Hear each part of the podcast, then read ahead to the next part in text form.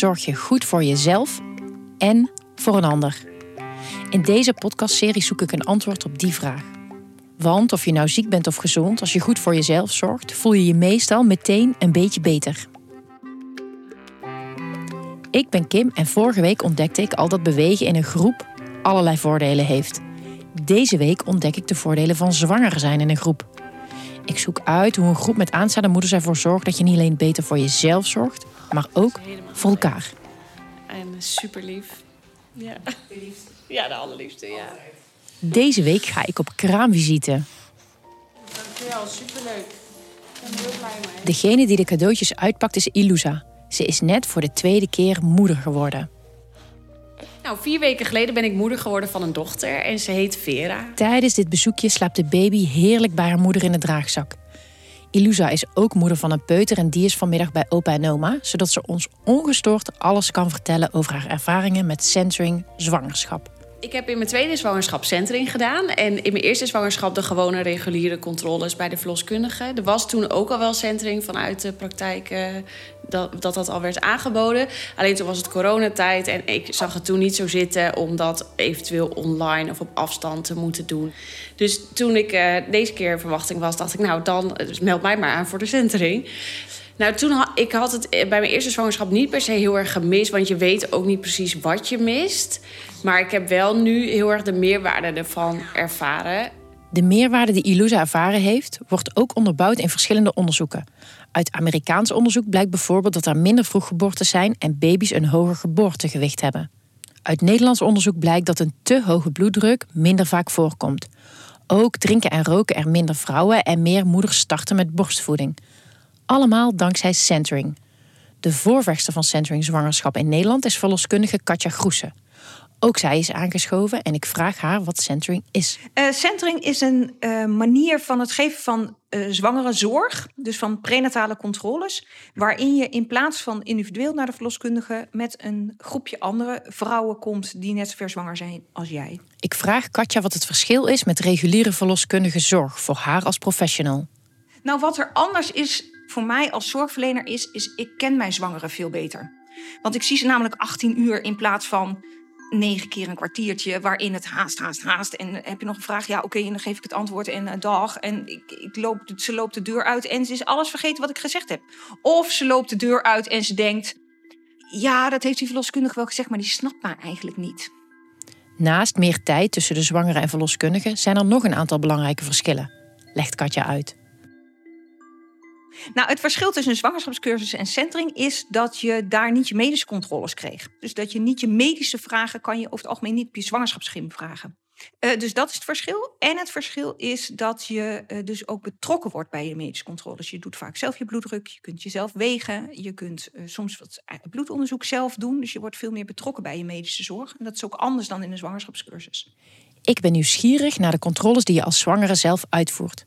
Dus ik vraag Ilusa hoe zo'n groepscursus dan in de praktijk gaat. Tijdens het eerste half uur van onze centeringbijeenkomst uh, was het een soort inloop waarbij je dus je eigen controles deed en even langs de verloskundige ging. De eigen controles zijn dan dus zoals de bloeddruk. En de, langs de verloskundige ging je even voor de, het hartje luisteren van de baby, voelen hoe de baby lag, het meten van je buik. Ik begrijp dat het eerste half uur voor de controles zijn. Daarna worden er allerlei thema's in verschillende werkvormen behandeld. Ilusa haalt een soort cursusboek voor de dag en in de inhoudsopgave zie ik tien bijeenkomsten staan. Katja legt uit welke thema's er zoal voorbij komen. Nou ja, je bespreekt natuurlijk uh, dingen zoals leefstijl en allerlei medische dingen. Uh, dus ook de bevalling, uiteraard. Um, maar ook uh, dingen als huiselijk geweld, shaken baby, huildagen. Hoe ga je je gezin vormgeven, anticonceptie. Ik vraag hoe zo'n werkvorm er dan interactief uitziet. Bijvoorbeeld als je zo'n onderwerp bespreekt als uh, je gezinsplanning of hoe wil je het straks gaan regelen met elkaar. Dan hebben we zo'n werkvorm waarin je een vader hebt liggen en een moeder hebt liggen en een vader en een moeder. En dan krijgt iedereen krijgt muntjes. En dan stel je vragen van nou wie uh, gaat de vuilnisbak buiten zetten? Of wie uh, regelt vrij als een baby ziek is? Of wie nou ja, regelt oppas als we een keer een avondje uit eten willen? Allemaal dat soort dingen. En moeders die zwanger zijn van de eerste die leggen allemaal brave muntjes in het bakje met we gaan dat samen regelen. En dan zijn er moeders en die zijn al eerder bevallen en die zeggen dan ja, dat dachten wij ook. We gaan dat allemaal samen regelen, maar dat bleek toch een beetje anders. Dus dan blijkt er toch wel een uh, leuk gespreksonderwerp op gang te komen. Dit voorbeeld zal veel ouders bekend in de oren klinken. Want welk stel met jonge kinderen heeft er nooit discussie gehad over de zorg of huishoudtaken? Ik ben alleen wel nieuwsgierig wat het ouders oplevert om dit dan in zo'n cursus te bespreken. Nou, wat het oplevert is dat mensen uh, gaan nadenken en thuis toch nog eens een keer gaan praten over, maar hoe gaan we dat nou echt doen? Oké, we zeggen dat we alles samen willen gaan doen, maar hoe ziet dat er dan uit? Katja legt uit dat het geen klasje is waarbij de expert eenzijdig iets uitlegt. De vrouwen hebben zelf een actieve rol en omdat ze elkaar natuurlijk in een korte periode veel zien, ontstaat er een band waar kennis en ervaring met elkaar wordt gedeeld. En vrouwen van alles van elkaar leren als het goed is, wordt er niet zoveel verteld, maar ga je het vooral met elkaar heel erg hebben over dingen. We hadden altijd een uh, bord op, uh, zeg maar in de ruimte waar we de centrumbijeenkomst hadden. En daar stond een soort van een programmaatje op voor de bijeenkomst, maar ook altijd met vragen. En dan kon je aan het begin van de bijeenkomst, tijdens dat half uur inloop, zeg maar, kon je de, uh, nou als je een vraag had, kon je die opschrijven. En die gingen we altijd bespreken. En dan was ook vaak eerst de vraag van wie heeft hier een antwoord op. Dus niet de verloskundige die de groep begeleidde die het antwoord ging geven, maar uh, dat moeders aan moeders dingen uit kunnen leggen. Katja ervaart zelf ook de voordelen van deze mix. De verloskundige als groepsbegeleider en medisch expert en de moeders als ervaringsdeskundige. Nou, het is super fijn om, om verhalen van andere ouders te horen. Want andere ouders luisteren nou eenmaal beter naar andere ouders dan naar zorgverleners. En je kunt het vaak ook vertellen in andere woorden in woorden die iets minder medisch zijn. En dan is het gewoon heel fijn als iemand anders het vertelt in gewone begrijpelijke mensentaal, zeg maar. Ze heeft ook een voorbeeld van hoe dat dan werkt in zo'n groep. We hadden het op een gegeven moment een keer over uh, uh, rugprikken. Wij altijd als we daar voorlichting over geven. Van nou ja, weet je, dan krijg je een katheter en dan moet je op bed blijven liggen en je baby wordt gecontroleerd en nou, allemaal medische dingen. En dan zit een moeder in mijn groep en die zegt: Ja, toen had ik dus een rugprik en toen lag ik in mijn bed plat als een pannenkoek. Daar is geen woord Chinees bij, zullen we maar zeggen. En ik zou dat nooit zo formuleren. Maar het is wel heel helder voor mensen wat dat dus met je doet, blijkbaar. Ilusa beaamt dat je als zwangere vrouw ook veel aan elkaar kunt uitleggen. Ze vertelt dat haar groep een appgroep heeft aangemaakt waarin ze elkaar bijstaan met raad en. Alle geboortes werden gedeeld in onze WhatsApp-groep. Die hebben we ook uh, aangemaakt toen we met de centringgroep zijn begonnen. En daar eh, nou, konden we gewoon tijdens de zwangerschap dingetjes in aan elkaar vragen. Zo van, nou, oh, ik heb nu uh, hier last van... heeft iemand anders dat ook? En dan zeg je soms van, oh ja, dat heb ik ook. Maak je je niet druk. Of andere keer zeggen we, nou, als je toch te veel twijfelt... bel dan gewoon een verloskundige. Nou, zo kun je elkaar echt ook een beetje een hart onder de riem steken.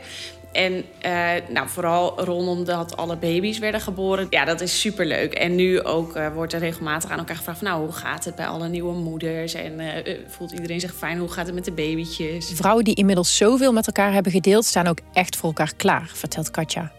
Niet alleen als er goed nieuws is, maar ook als het even wat minder goed gaat. Ze vertelt over een groep die ze eerder heeft begeleid moeder die uh, de tweeling kreeg, die had het best wel een beetje zwaar. Want die had ook al net als jij een peutertje rondlopen. En die had best wel zwaar, want die twee kindjes die waren helemaal niet blij. Vooral rond etenstijd niet. En dan was de peutertje natuurlijk ook moe, dus die was dan ook helemaal niet blij. Dus het was heel gehuil en gedoe. Dus middags aan het eind van de middag. En zij vertelde dat in de groep. En wat de groep toen bedacht heeft. En echt, ik ga nog bijna huilen als ik het vertel. Maar dat ze haar gingen helpen. En ze hebben haar eten gebracht, een maand lang. Wat betekende dat iedereen twee keer extra gekookt heeft voor dit gezin. En daardoor hoefde zij geen boodschappen te doen en ze hoefde niet te koken en ze hadden toch een gezonde maaltijd.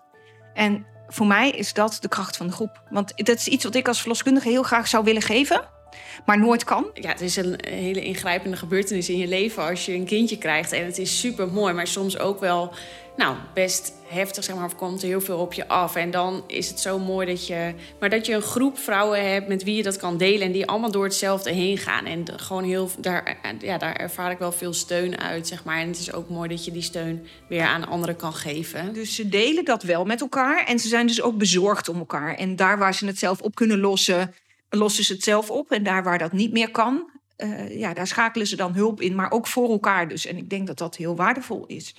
Stel jij bent die luisteraar die toevallig net zwanger is en ook mee wil doen aan centering zwangerschap. Ik vraag Katja hoe je dat dan voor jezelf regelt. Uh, dus bij de verloskundige waar je uh, ingeschreven staat. Maar goed, als jij verloskundige dus geen centering aanbiedt en je zou het wel heel graag willen, zou ik nog steeds zeggen: ga even naar je verloskundige. Zeg één dat je het heel graag zou willen, want dan gaan er misschien meer verloskundigen het aanbieden.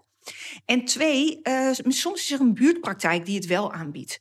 Dus dan kan je nog steeds bij je eigen verloskundige bevallen, maar kan je soms de, de centrumcontroles bij een andere praktijk doen. Maar dan moet je dan even met ze overleggen. Dus ga vooral naar je verloskundige. En ze heeft ook nog een afsluitend nieuwtje. Sinds 1 januari is er een tarief voor centering en wordt het dus vergoed door de zorgverzekeraar. Ook Idlusa raadt het iedere zwangere aan. Ik vind centering zwangerschap echt een aanrader als je zwanger bent. Of het nou voor de eerste keer is, of de tweede, of de derde, of de vierde keer. En het is gewoon super mooi dat je als groep elkaar kan ondersteunen in ja, die bijzondere fase van zwanger zijn, moeder worden uh, en je draai vinden in je nieuwe rol. Voor deze aflevering wil ik graag Ilusa en Katja bedanken voor hun tijd en uitleg. Wil je meer weten over de verschillende vormen van centringzorg? Ga dan naar centringzorg.nl. Centering schrijf je met een C. Wil je weten hoe je deze zorg bij mensen vergoed krijgt? Ga dan naar mensis.nl/slash centering. Volgende week onderzoek ik iets waar we allemaal wel eens last van hebben: stress. Hoe kom je eraan? En nog belangrijker, hoe kom je er vanaf? Ben je nieuwsgierig? Luister dan volgende week weer.